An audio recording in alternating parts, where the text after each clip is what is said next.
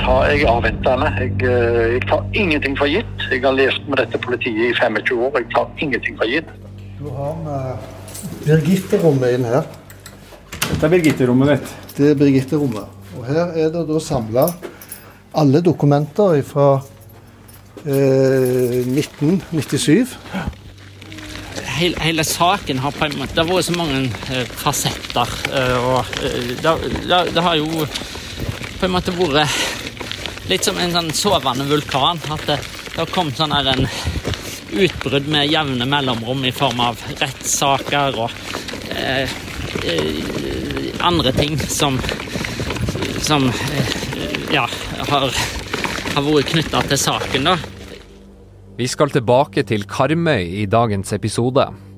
Drapet på 17 år gamle Birgitte Tengs i 1995 har splitta familier og et helt lokalsamfunn. Forrige fredag skjedde det som nærmest slo ned som ei bombe. En mann i 50-årene har blitt sikta for drapet, og i tillegg mistenkt for drapet på Tina Jørgensen i 2000. I Spania kom beskjeden som et sjokk. Skulle de tro på det som ble sagt? Det som ble skrevet i norske medier? Der satt nemlig faren til Birgitte Tengs fetter, sammen med sin sønn. Sønnen var 19 år gammel da han ble dømt for drap og voldtekt på sitt eget søskenbarn. Senere ble han frikjent i lagmannsretten, men dømt til å betale Birgitte Tengs foreldre 100 000 kroner i oppreisning i en sivil sak, og dermed stempla som drapsmann. Hvordan kunne det skje?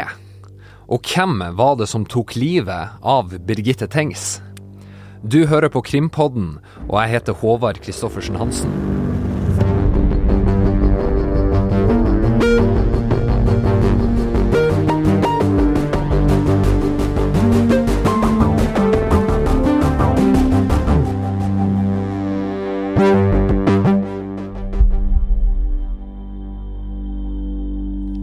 Karmøy, den lille øya på Haugalandet i Nord-Rogaland.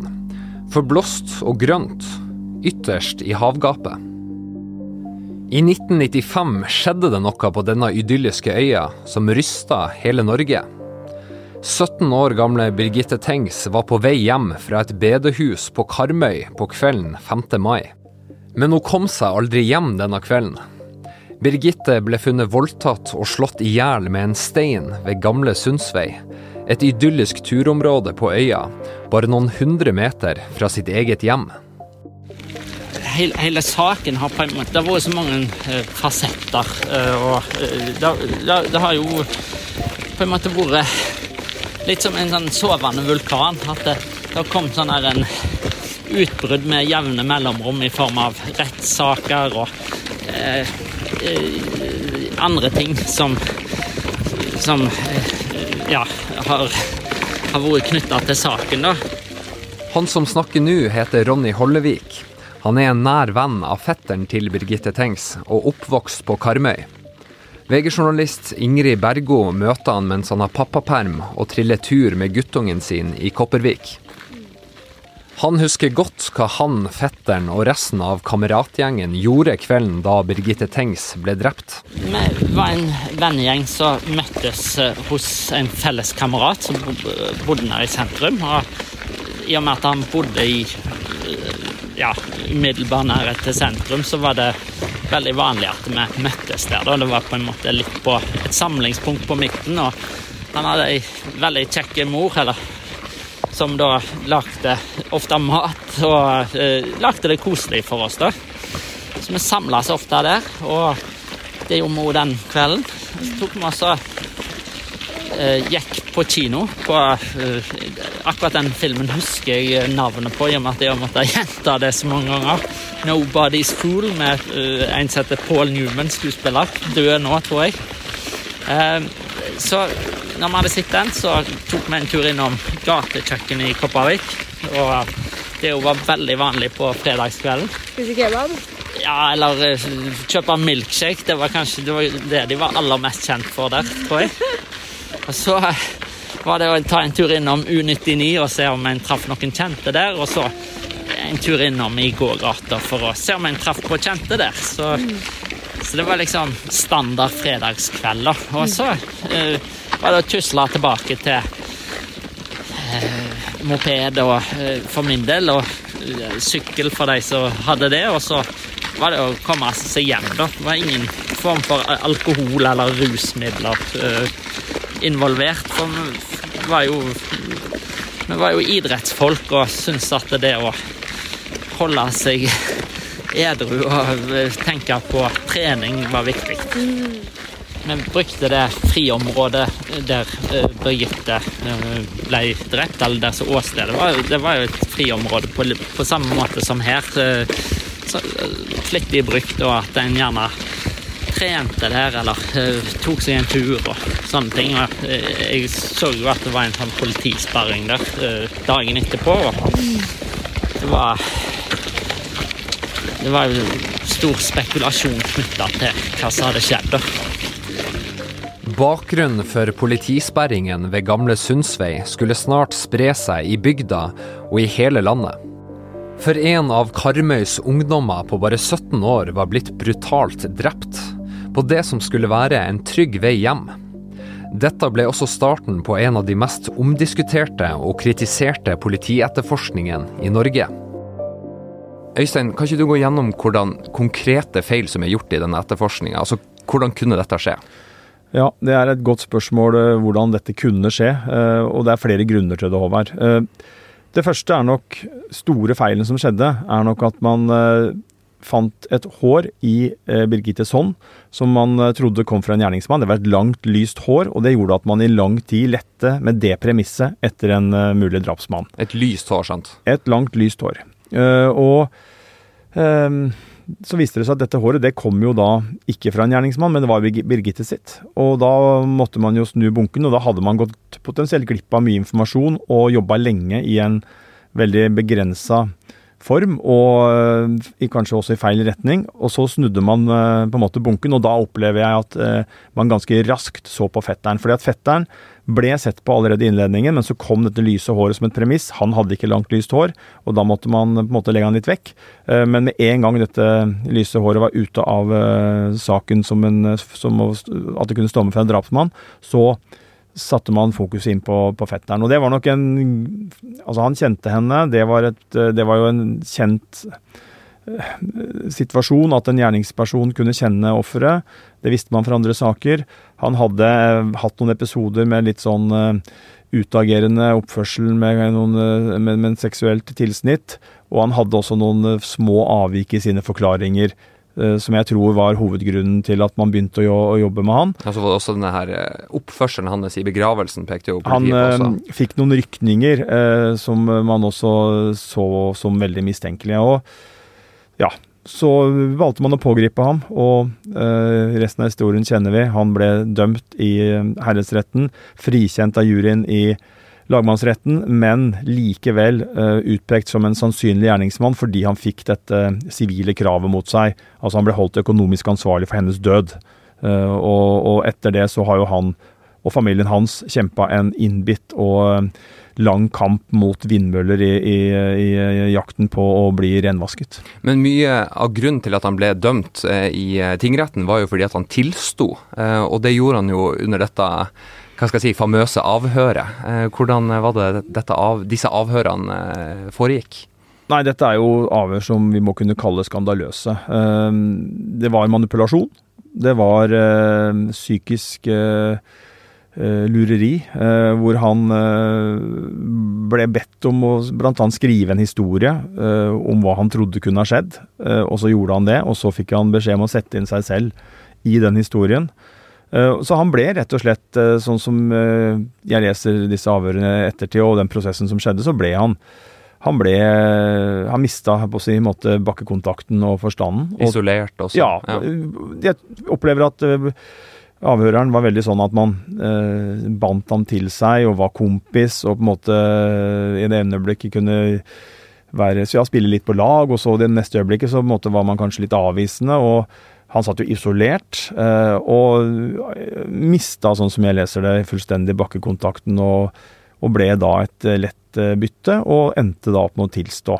Og så trakk han jo den tilståelsen, men eh, blant annet da eh, herresretten mente jo at denne tilståelsen likevel var nok til å kunne dømme ham. For det var i realiteten kun det som var et bevis. Eh, og så har vi disse tinga som vi snakka om, som jo er eh, Ja, det er småtteri, til, småtteri da. Så, så, så, det var en veldig veldig veldig spesiell situasjon, som jo nå da har vært et diskusjonstema i alle disse årene, og som nå settes i et eh, nok en gang settes i et nytt lys, når vi vet at man har siktet og uh, pekt på en mulig annen gjerningsmann. Selv om Birgitte Tengs fetter har blitt frikjent, og politiet flere ganger har sagt at han ikke er mistenkt i saken, og at en mann i 50-åra nå er sikta for drapet, så har saken hatt enorme konsekvenser for livet hans. Det skal vi komme tilbake til litt seinere i episoden. Faren til fetteren heter Jakob. For noen måneder siden besøkte krimkommentator Øystein Miljehan hjemme på Karmøy.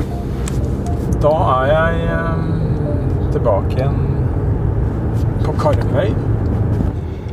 Han har kjempa en kamp i ehm, alle disse årene for sønnen sin, og har hele veien trodd på hans uskyld. Og mener at sønnen er utsatt for et Og familien er utsatt for et uh, overgrep fra norske myndigheter. Uh, at anklagene om at sønnen har uh, drept Birgitte Tengs er feil. Og at de gjennom alle disse årene har fått lide for eh, elendig politiarbeid. Nå er det utvikling i saken. Hei, Jakob Øystein Millie her. Vi får en plass der vi får fred og ro. Ja, men så fint, da. Det er jo ren idyllen her. Ja, vet du. Bor ikke i Oslo, jeg. Nei, her er du rett ut i sjøen og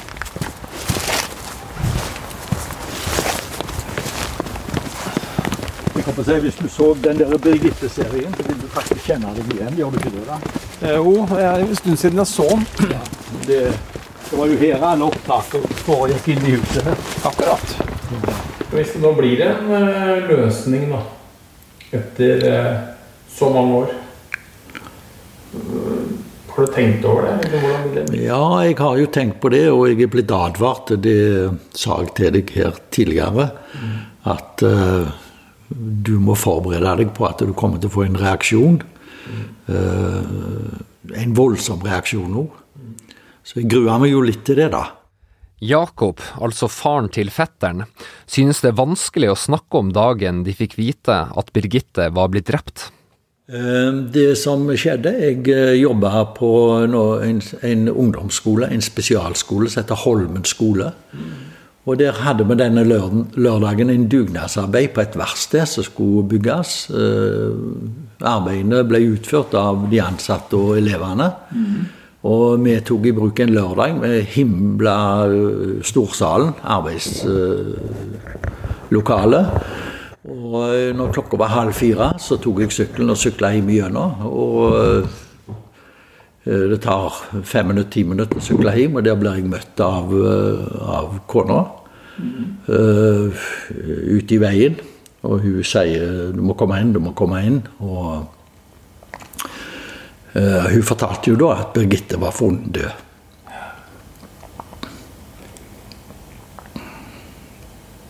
Dette er vanskelig. Mm. Nei, så ble det noe som ikke kan beskrives. Det ble Det ble mye gråt og tårer. Mm. Hva husker du liksom hva, hva, hva, hva, tenker man? Hva gjør man? Hva griper man tak i? Nei, Sjokket det kommer jo seinere. Du, du, klarer ikke å ta inn over deg eh, fullt ut hva som har skjedd der og da. Det så sjokket kom jo, kom jo seinere, da. Det, det er helt tydelig. Seinere blir altså fetteren sikta for drapet.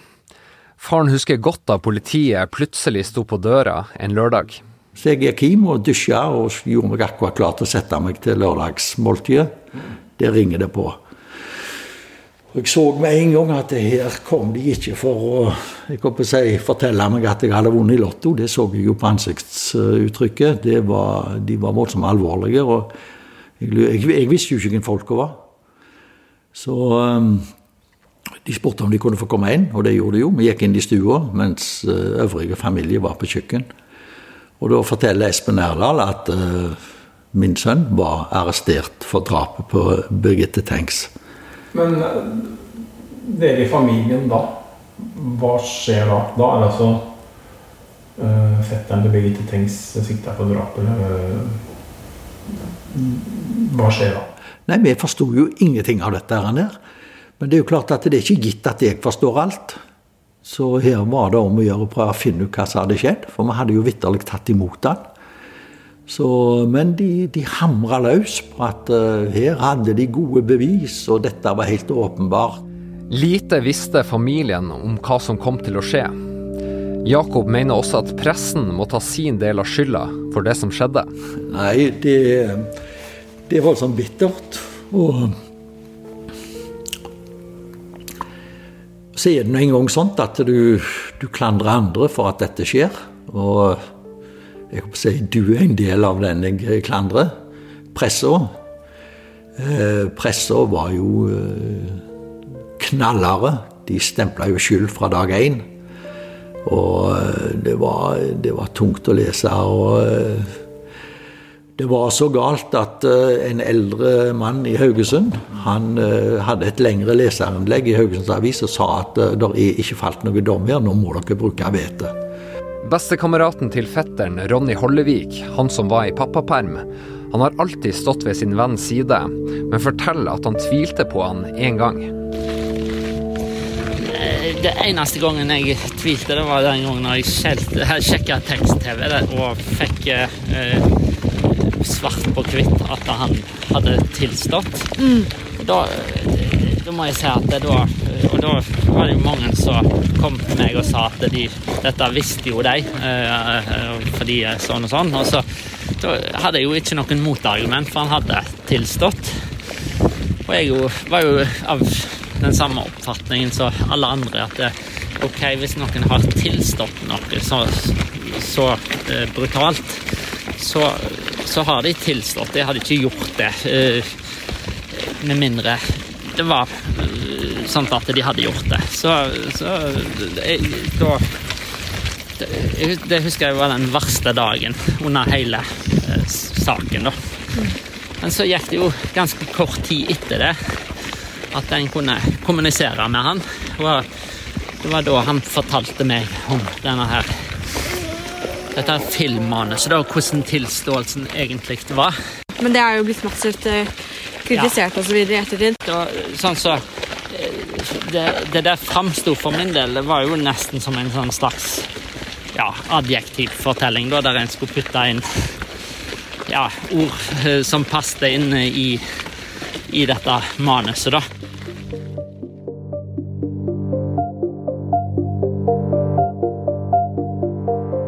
Krimkommentator Øystein Milli og jeg møtes i podkaststudioet på VG-huset i Oslo.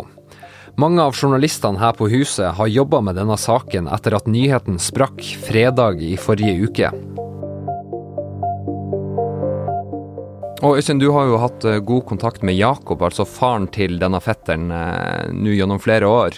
Og så vet vi at dette har jo naturlig nok vært ei stor belastning for familien. Eh, fetteren sjøl sier at det, det, umulig, det har vært umulig for han å leve et normalt liv, selv etter han, eh, som du sier, ble frikjent i lagmannsretten.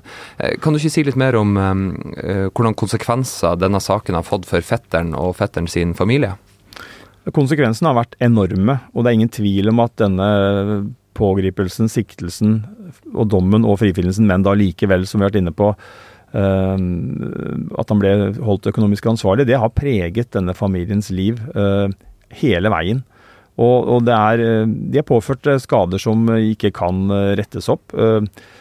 Denne fetteren han flytta jo først til Bergen, men ble stigmatisert. Har, som jeg har vært inne på, gått med stempelet Eh, drapsmann i panna pga. bl.a. denne, denne dommen, og selvfølgelig fordi at man ikke funnet en annen gjerningsmann. For det ville nok vært vanskelig, selv om han skulle ha blitt helt frikjent, å uh, skjære fri fra uh, både rykter og tanker om at han likevel hadde gjort det. Så for ham så var det, når først han var pågrepet, så tror jeg uansett at han har vært avhengig av en annen løsning for å bli trodd og sett på som helt eh, renvaska. Men han hadde jo som sagt dette stempelet gjennom denne sivile dommen. Han fikk bl.a. en gang jobb i Fokusbank, eh, men det varte jo ikke lenge. fordi at når man oppdaga at mannen de hadde ansatt var identisk med fetteren til Birgitte Tengs, så mista han eh, den jobben, fikk aldri begynne. Fikk en eh, økonomisk kompensasjon for det, men det er jo en fattig trøst. Uh, han er i dag en har direktørstilling, tror jeg, i, i Spania innen økonomi. Og det har vært umulig for han å etablere seg i Norge og leve et liv i Norge. og det har selvfølgelig vært store belastninger for foreldrene hans og søsknene hans som da har bodd igjen i lokalsamfunnet på Karmøy. Ja, Faren hans Jakob, som jo du har pratet med, han, han, er jo åpen om at han ble jo uføretrygda pga. denne saken.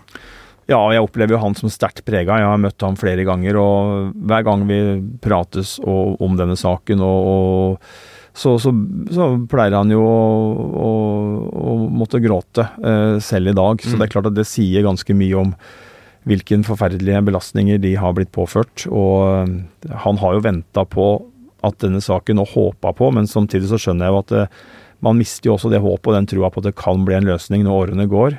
Så han har vært eh, dypt fortvila, og har selvfølgelig Samtidig som han er helt klar på at den mannen som nå er tatt, skal ha en rettferdig behandling, som han jo mener sønnen hans ikke fikk, så håper han jo eh, at det blir en løsning og en, et svar med to streker under som gjør at han og hans familie uh, ikke, kan, ikke kan Altså, saken kommer de til å bære med seg til evig tid, men at de i hvert fall kan få vekk dette stempelet om at sønnen hans kan ha vært en drapsmann.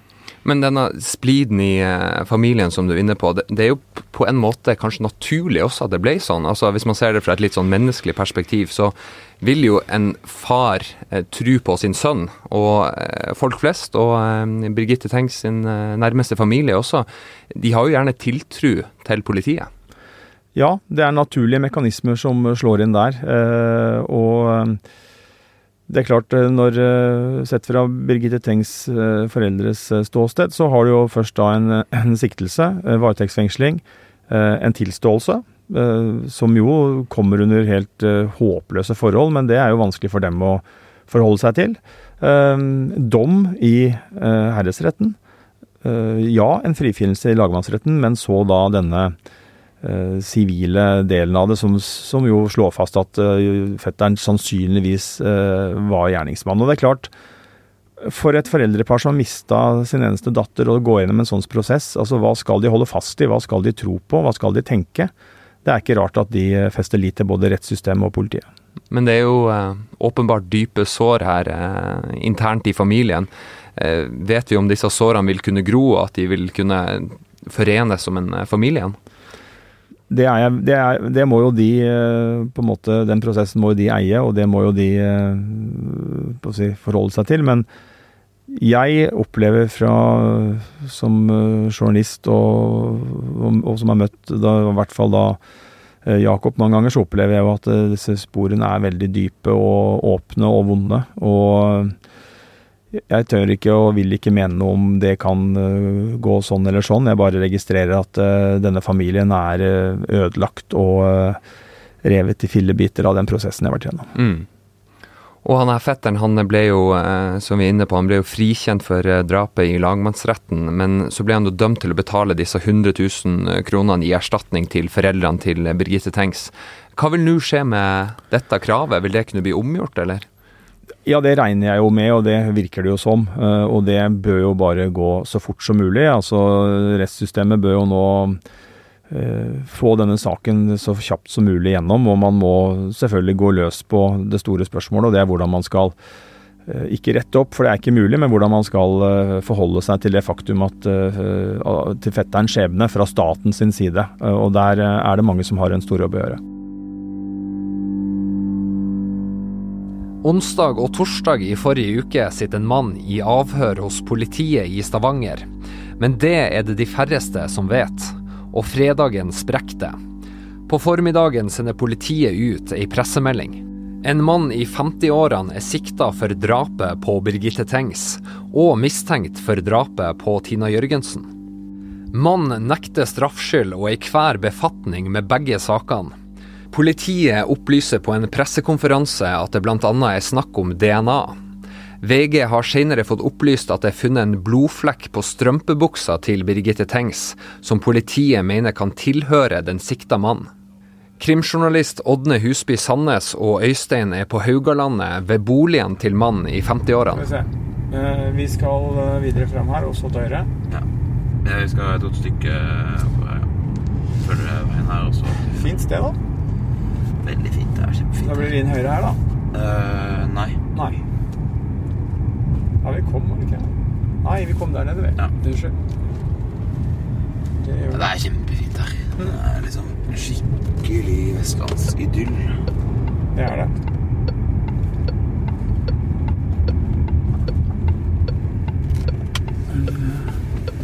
Et tettsted med forskjellige fasiliteter og mye fin trehusbebyggelse, altså.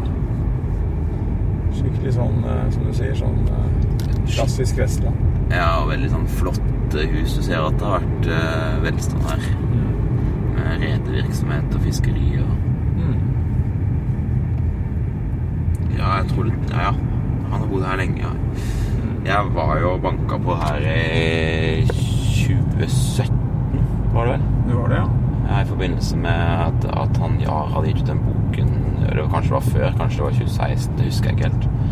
Det var i forbindelse med at han ble pekt ut i den boken. Så reiste vi ned her, og da banka jeg på døra. Men også da visste vi jo at han muligens levde et noe liv hvor han reiste mye, da.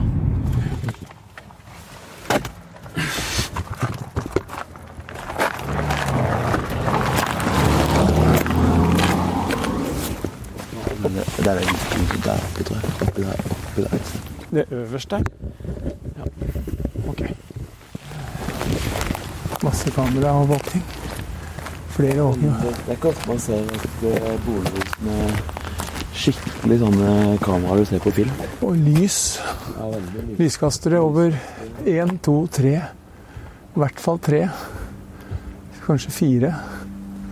Ja. Og så er det jo alle gardi... Eller alt er lukka igjen. Ja.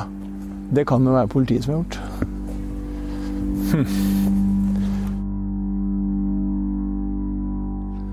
Og så har vi denne mannen i 50-årene som jo nå er sikta for drapet på Birgitte Tengs, og han er altså mistenkt for drapet på Tina Jørgensen. Og du har jo vært eh, ute ved, ved boligen hans på Haugalandet. Eh, kan du fortelle litt om eh, hvordan det var der? Ja, det er jo veldig spesielt å komme ut eh, og, og vite eh, i et eh, lite lokalsamfunn. Jeg antar at veldig mange av de som bor der, vet at han er den pågrepne.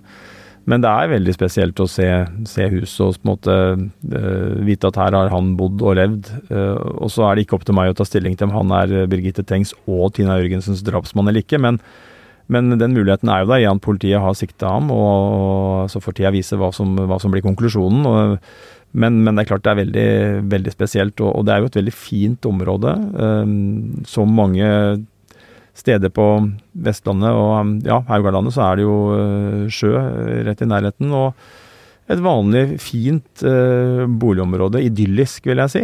Og eh, så ligger da huset hans med Vi beit oss jo merke disse kameraene og lyskastere, som jo skiller seg ut fra de andre husene, så vidt jeg kunne se.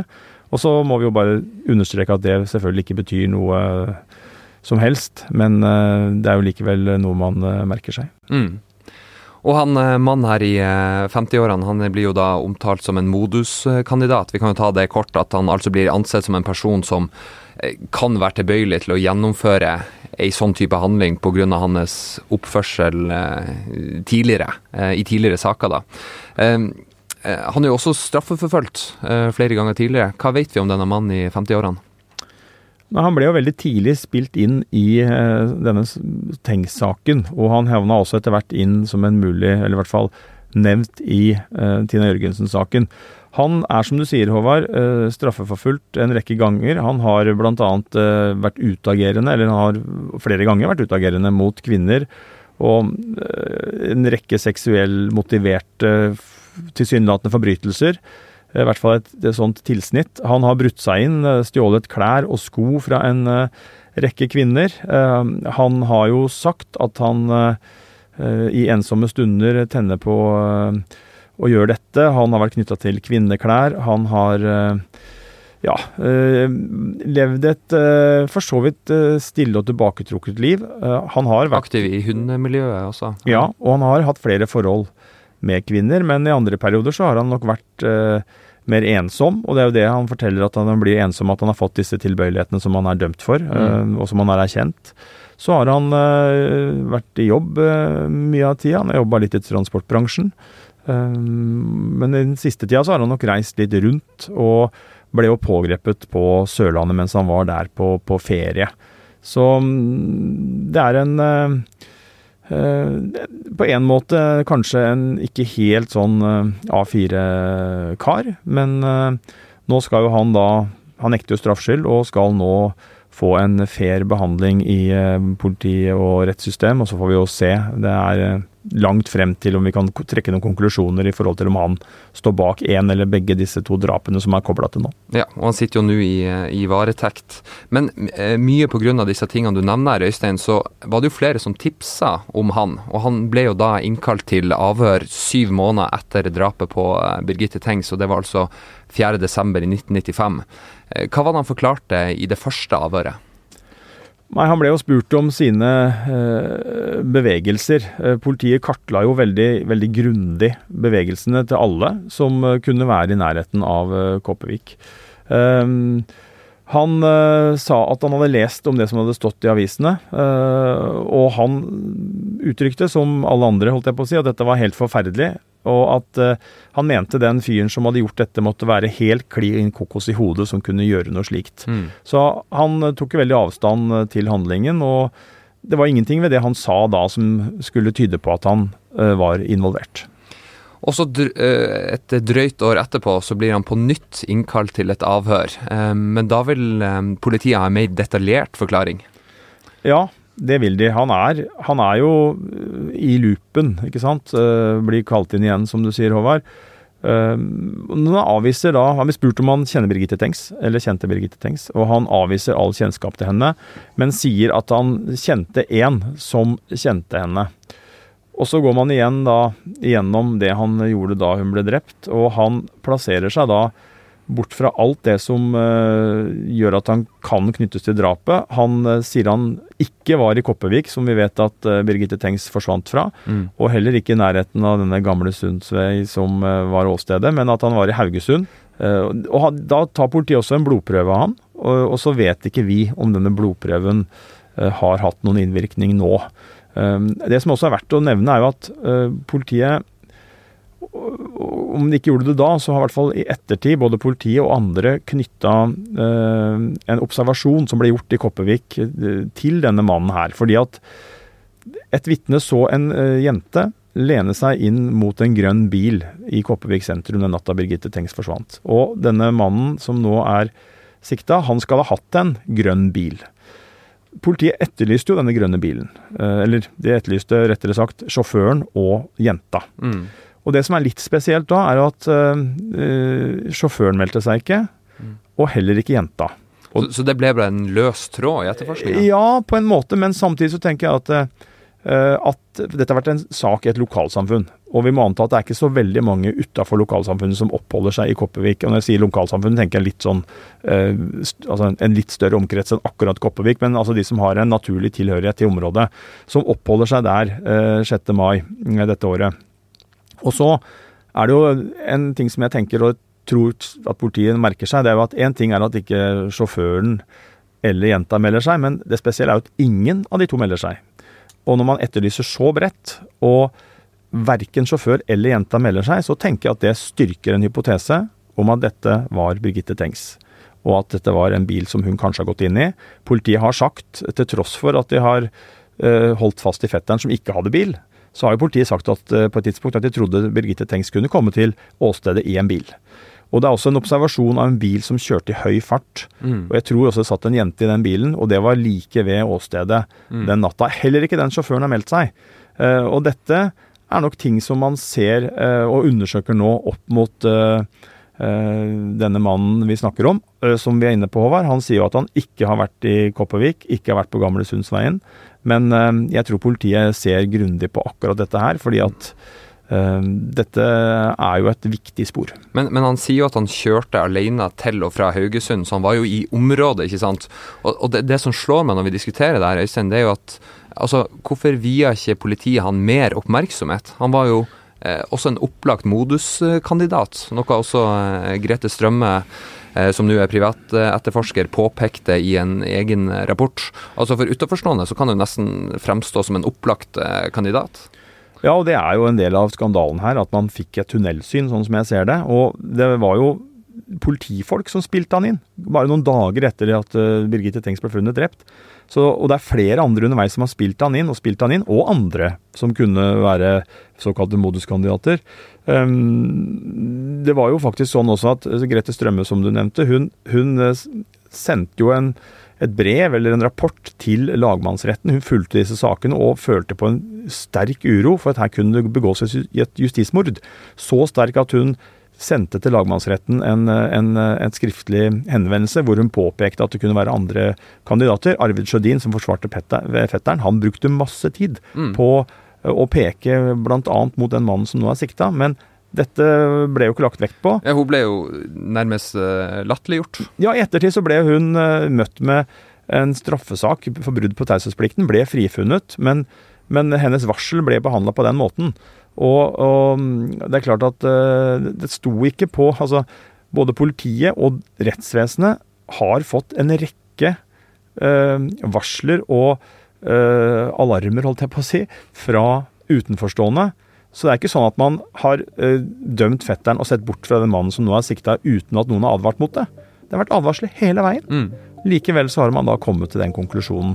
Og, og det gjør jo denne saken enda mer håpløs.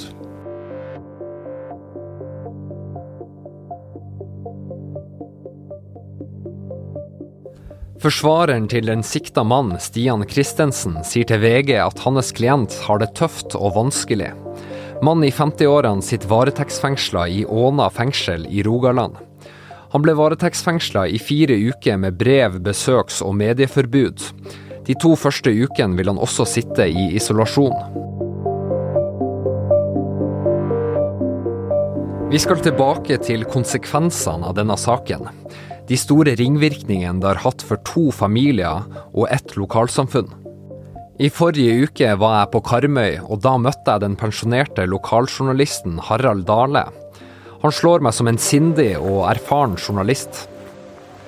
Og hvis det som har skjedd i dag, eh, har blitt til virkelighet, at de får en fellende dom, så tror jeg at Kopervik-samfunnet får et lokk på det hele, slik at en kan bli ferdig med saken. Tror jeg. Dale har jobba med saken helt siden 1995 både for NRK og lokalradiostasjonen Radio 102 på Haugalandet. Altså De bor nær hverandre. Jeg har skrevet en artikkel i den spalta jeg har i lokalbladet her, at eh, det, er to sorger. Det er to deler av samme familie som bor ved den samme fjorden, som ser på de samme bølgene, ser på de samme måkene, men de bor De lever i hver sin virkelighet. Den ene kjemper for å bli renvaska for et, et, et drapsstempel, og de andre de, de, de har sorgen over en, tapt, tapt datter. Og, og, det har vært så mye brutalt i denne saken her at det er vanskelig å tro at de sårene kan, kan, kan gro igjen. Iallfall blir det svære arr, tenker jeg. Vi to går rundt i Kopervik sentrum. I denne lille byen bor det litt over 11 000 vestlendinger. Det er her vi står nå at Birgitte Tengs sist ble sett. Her som vi står nå, er de siste vitneobservasjonene av Birgitte denne, denne kvelden. Hun kom jo kom jo eh, over Kopervik bru, Vippebrua der, og inn her mot gågata. Og eh, herfra har hun da bevega seg videre, eh, kanskje gått litt att og fram. Men siste vitneobservasjon er her. Hun står altså og snakker med noen inni en bil. Hun står bøyd inni en bil. Og det er den siste vitneobservasjonen som har gjort at politiet da har regnet med at hun kanskje har fått seg skyss for å komme videre til der hun bodde som er lenger vest på Karmøy, noen kilometer herifra. Ja, for Det var vanlig for ungdommer på hennes alder å dra inn hit til Kopervik sentrum for å prøve å få seg skyss hjem? Det var det. Mye, mye ungdommer søkte mot Kopervik eh, på fredagskvelden pga. diskotek og at ungdommen møttes der. Så um, hun hadde jo fått skyss fra bedehuset på Avaldsnes og hit. og var nok på jakt etter skyss videre hjem til Sund, der hun bodde. Og da var stedet her plassen, for her var det biler. Hva kan du si om denne bilen hvor hun sist ble observert? Den har jo vært mye omtalt i denne saken. Ja, Jeg kan ikke si så mye, jeg husker ikke så mye av detaljene. Men det, det, det kobles jo opp imot en bil som ble møtt nærmere heimen hennes, som hadde en vanvittig stor fart. Og som politiet jobba veldig mye med for å finne ut hvem som var sjåføren, og få mer kunnskap om den. Men eh, den sjåføren meldte seg jo aldri, slik at det har blitt en løs tråd som er der fremdeles. Og her i gågata her kom jo da ungdommen ut sånn litt før tolv etter at, eh, at utestedene stenger. Kommer fra restaurantkomplekset til venstre der, fra Karamøy-kafeen til høyre der. Og opp der til høyre ligger Folkets hus. Der var det ungdomsdiskotek for de yngste ungdommene. De kom òg ned i gata her. Slik at i denne delen av gågata, det kvartalet her, så var det masse ungdom som da møttes. Og kommuniserte. Og så kom bilene her opp. Slik at her kunne de få seg skyss hjem, her kunne folk fra andre deler av Karmøy komme. Og, og, og, det var Jeg tror politiet mener at det var oppimot 1000 ungdommer samla her på det tidspunktet der. Og Derfor har de òg eh, avhørt og snakka med veldig mange av disse her. Så det var et yrende liv. Herfra forsvinner Birgitte. Og før de finner henne igjen da eh, ute på Gamle Sundsvei. Eh, kan du si litt om hvordan det var her i Kopervik sentrum i helgen på 90-tallet, da Birgitte forsvant? Det var et samlingssted for uh, ungdom. Hvis vi stopper litt her borte nå, ja. så har vi til, uh, til venstre en, en, en uteplass. Som det i dag er ut, uterestaurant og utepils og sånn på. Og her litt lenger bak her ligger jo da eh, disse utelokalene hvor ungdommen var. Og de strømte jo da ut på denne platningen her og videre opp trappene og så på gågata her som vi er her. Og Birgitte har jo beveget seg da hele veien inn hit. Og hvis jeg husker rett, så møtte hun så flere som har sagt at de møtte henne her, utveksla klemmer, eh, snakket sammen osv. Så, så, hun har beveget seg på hele dette området fra der gågata begynte, og så de ja, 50 meterne, 60 metrene opp her som vi står nå. Vi forflytter oss til gamle Sundsvei, som slynger seg mellom jordekanter og kratt i det forblåste kystlandskapet på Karmøy, ca. fire km fra sentrum av Kopervik. Bak busker og steiner inne på sauebeitet ble Birgitte funnet, bare noen hundre meter hjemmefra. Her Rett ved sida der politimannen gikk, så lå jo altså Noen Birgitte. Noen få meter lenger så, så eh, lå hun. Mm. Ja. Eh, og så er det da bonden da som kommer om morgenen og, og eh, ser det samme, lukker igjen grindene og går inn, og så det er han som finner da liket av Birgitte. Og her på veien her var det jo masse slepespor 30-40 meter videre på Sundsveien, og på tvers, kryss og tvers akkurat her ved grinda her. Og disse sporene ble jo godt dokumentert av, av, av politiet. Det ble lagt ut presenninger osv. Det viser alle, alle bildene herfra. Men dette er da plassen hvor eh, Birgitte da kom i konflikt med denne personen på en eller annen måte. Jeg eh, veit ikke helt hvor hun kan være drept, om det er her eller lenger inne. Men, men, dette er altså scene of crime. Skal vi gå inn til selve plassen? Mm. Ja. Så, det er ikke så veldig mange meter inn her.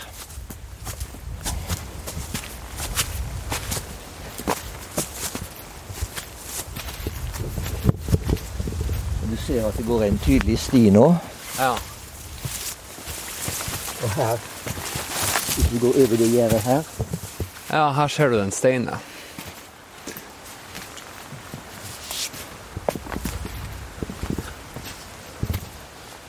Ja, her står det Birgitte. 6. mai 1995, ja. ja. Og her var det jo òg en minnemarsj etter ett eller to år etterpå som gikk fra Kopervik og ut Stemmer. til inntekt for, for Birgittes eh, minnefond. Ser også, det en, eh, ser også at det er en bamse her. Ja. Som er da måsegrodd.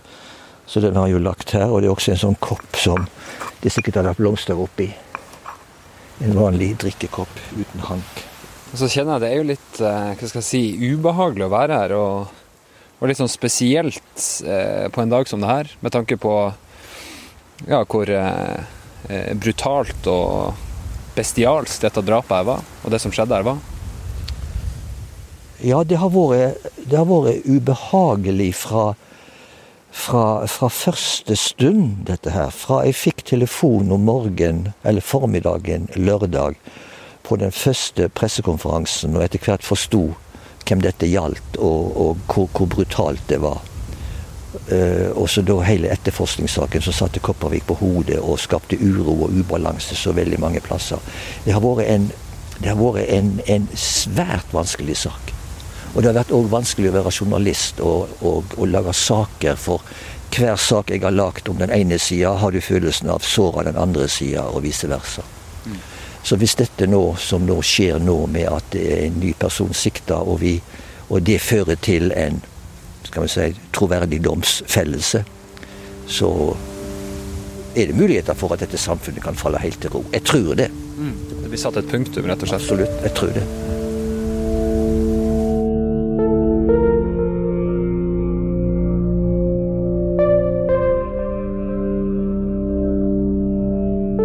Øystein er på besøk hos Arvid Sjødin, en advokat som er kjent for å bite seg fast i gamle saker, f.eks. Baneheia-saken. Han har lenge forsvart fetteren og kjempa for at den sivilrettslige dommen mot han skal omgjøres. Øystein blir med han opp til et gammelt rom fullt av gammelt papir og gamle permer. Du har med Birgitte-rommet inn her. Dette er Birgitte-rommet ditt det er Birgitte-rommet. Så det er nokså mye papir her. Men det er ikke kasta noe. Og det som vi har gjort, er at vi har tatt oss lagt etter dato fra 1997. Så jeg håper vi skal greie oss å finne igjen. Fordi at her må man sikre alt dette som er. Når en sak tar 24 år, så er det viktig å ha dokumentasjon klar. Og Her står vi i et rom som kanskje er eh, ja, 5-6 kvadratmeter stort. Ja. Og det er eh, hyller fra tak til gulv. Og hyllene er stappa fulle med permer og dokumenter. Så dette er jo eh, ja, Jeg tør ikke tippe engang, men det er jo titusenvis av sider her. Det er det, helt sikkert. Hvordan har disse uh, siste dagene vært for deg etter at uh, nyheten om at politiet nå har sikta en annen mann enn uh, en fetteren, som jo er klienten din i alle år, for drapet på Birgitte Tengs? Nei, det har vært litt voldsomt. Og jeg satt på fly til Tromsø på fredagen fordi at jeg skulle opp og holde et foredrag for jusstudenter i Tromsø. De ønsket å høre mer om den såkalte Viggo-saken og Birgitte-saken. Mm. Og mens jeg sitter på flyet, så begynner telefonen min å hoppe. Og så kom det masse meldinger fra politiinspektør Berge så tenkte jeg med meg sjøl dette er jo helt ulikt han, og så sende så mange meldinger. Så jeg begynte å lure på er telefonen hans stjålet nå. Men etter en stund så fikk jeg da kontakt med kontoret, så de kunne ringe han, og da fikk vi greie på dette. Og det var jo et voldsomt sjokk, jeg må si det. For fetterens far Jakob, som var i Spania sammen med sønnen da nyheten kom, var det også et sjokk. Vi får en prat med han på ei litt sprakete telefonlinje. Han håper nå at det blir satt et endelig punktum, og at erstatningskravet Sønn har mot seg, frafaller. Nei, jeg, eh, tar, jeg er avventende. Jeg, eh, jeg, tar ingenting for gitt. Jeg har levd med dette politiet i 25 år. Jeg tar ingenting for gitt. Er det viktig, men Tenker du at dette i hvert fall er et endelig punktum med tanke på anklagene mot sønnen din?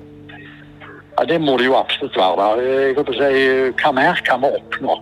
Mm. Uh, Nei, eh, hvis, de, hvis, vi ikke når i mål nå, da når vi aldri i mål. Det, det, jeg regner med at dette, dette er avgjort for vår del, og så får en bare få det formelle på plass. Jeg spurte deg jo, når vi snakka sammen eh, for noen uker siden, så spurte jeg deg jo bl.a. om hvordan du trodde du kom til å reagere dersom politiet en dag kom eh, med en, eller en, en siktet, da, en, en mulig gjerningsmann. Um, Blei reaksjonene sånn som du forutså?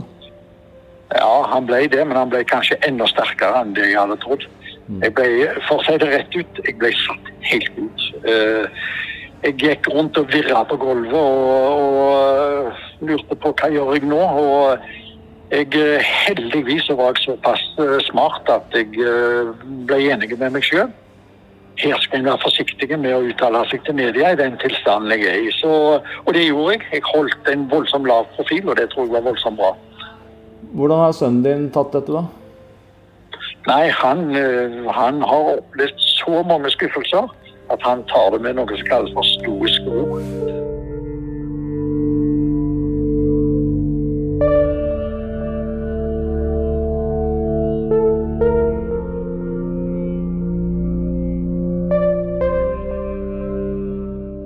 Tilbake på Karmøy er Ronny Hollevik, bestekameraten til fetteren, forsiktig med å ta gleden på forskudd.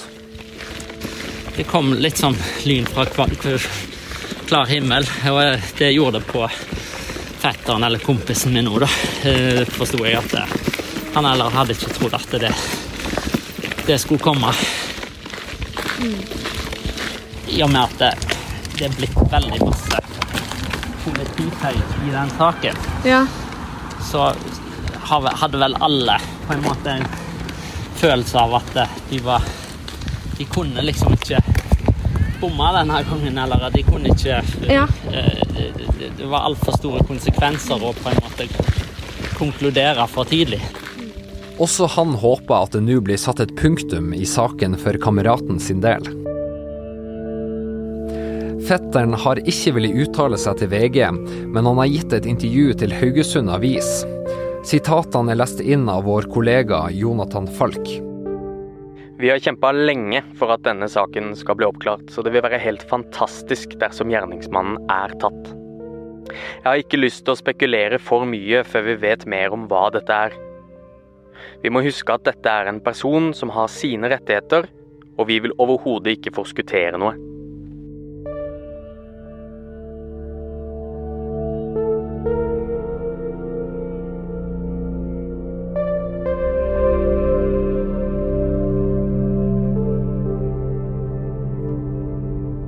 Politiet har tidligere tatt selvkritikk for deler av etterforskninga i Tengs-saken, men sentrale aktører er ordknapp rundt hva de tenker om den nye siktelsen.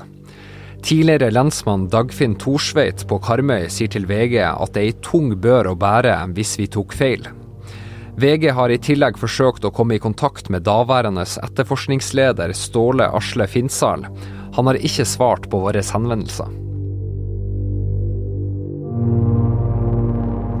Neste uke er vi tilbake med en ny episode her i Krimpodden. Jeg håper dere lytter til oss da også. Hvis du har tilbakemeldinger eller tips, send dem gjerne til oss på krimpodden at vg.no. Produsent for Krimpodden er Vilde Vorren. Øystein Milli var med, og jeg heter Håvard Kristoffersen Hansen. En spesiell takk til Askild Matre Åsarød, Guro Mjeltevik Halvorsen og Jonathan Falk i podavdelinga i VG. Journalistkollegaene våre Ådne Husby Sandnes, Ingrid Bergo, Kristina Kvist, Hanna Haug Røseth, Gordon Andersen, Morten Hopperstad, Thea Rosef, Ola Haram, Eirik Vikstad og Kari Spets har bidratt til journalistikken i denne episoden. Vi høres neste uke.